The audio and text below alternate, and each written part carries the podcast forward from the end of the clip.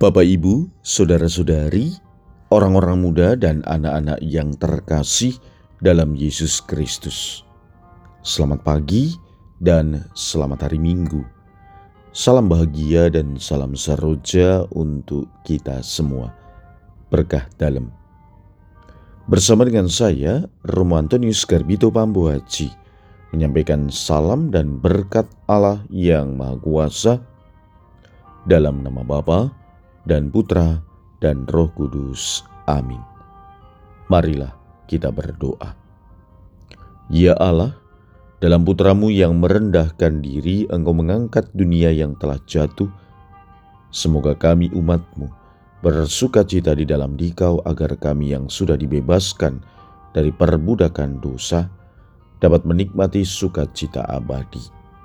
Dengan pengantaran Yesus Kristus putramu Tuhan kami, yang hidup dan berkuasa bersama di kau dalam persatuan roh kudus Allah sepanjang segala masa. Amin. Hari ini Minggu 9 Juli, kita memasuki hari Minggu biasa ke-14.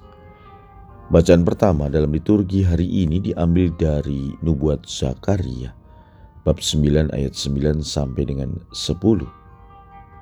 Bacaan kedua diambil dari surat Rasul Paulus kepada jemaat di Roma, bab 8 ayat 9 dilanjutkan ayat 11 sampai dengan 13. Bacaan Injil diambil dari Injil Matius bab 11 ayat 25 sampai dengan 30. Marilah saudara-saudari kita mendengarkan Injil suci menurut Matius. Sekali peristiwa berkatalah Yesus, Aku bersyukur kepadamu, ya Bapa, Tuhan langit dan bumi, sebab misteri kerajaan kau sembunyikan bagi orang bijak dan orang pandai, tetapi kau nyatakan kepada orang kecil. Ya Bapa, itulah yang berkenan di hatimu. Semua telah diserahkan oleh Bapa kepadaku dan tidak seorang pun mengenal Bapa selain anak serta orang-orang yang kepadanya anak itu berkenan menyatakannya. Datanglah kepadaku kamu semua yang letih lesu dan berbeban berat. Aku akan memberikan kelegaan kepadamu. Pikulah kuk yang kupasang dan belajarlah padaku karena aku lemah lembut dan rendah hati. Maka hatimu akan mendapat ketenangan, sebab enaklah kuk yang kupasang dan ringanlah bebanku. Demikianlah sabda Tuhan. Terpujilah Kristus. Saudara-saudari yang terkasih dalam Yesus Kristus.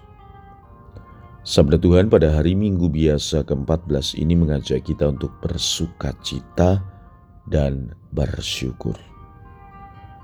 Dalam bacaan pertama dan kedua, alasan untuk bersuka cita dan bersyukur terungkap dengan jelas. Sebab Tuhan senantiasa hadir di tengah-tengah kita dan rohnya di dalam diri kita.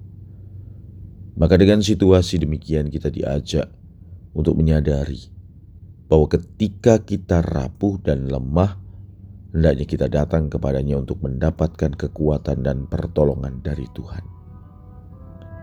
Ia sendiri yang mengundang kita untuk datang kepadanya. Marilah kepadaku semua yang letih lesu dan berbeban berat, aku akan memberikan kelegaan kepadamu. Ketika kita sudah datang kepadanya, kita tidak hanya mendapatkan kelegaan, tetapi juga diajak untuk bersyukur. Bersyukur atas seluruh pengalaman dan perjalanan hidup kita yang senantiasa dianugerahkan Tuhan kepada kita. Selain bersyukur, juga kita diajak untuk berserah, supaya kita dimampukan menanggung segala macam beban kehidupan kita. Ingat, dia memang tidak pernah janji untuk membuat langit selalu biru, tetapi dia berjanji selalu menyertai. Ingat, dia memang tidak pernah janji jalan selalu rata, tetapi dia berjanji berikan kekuatan.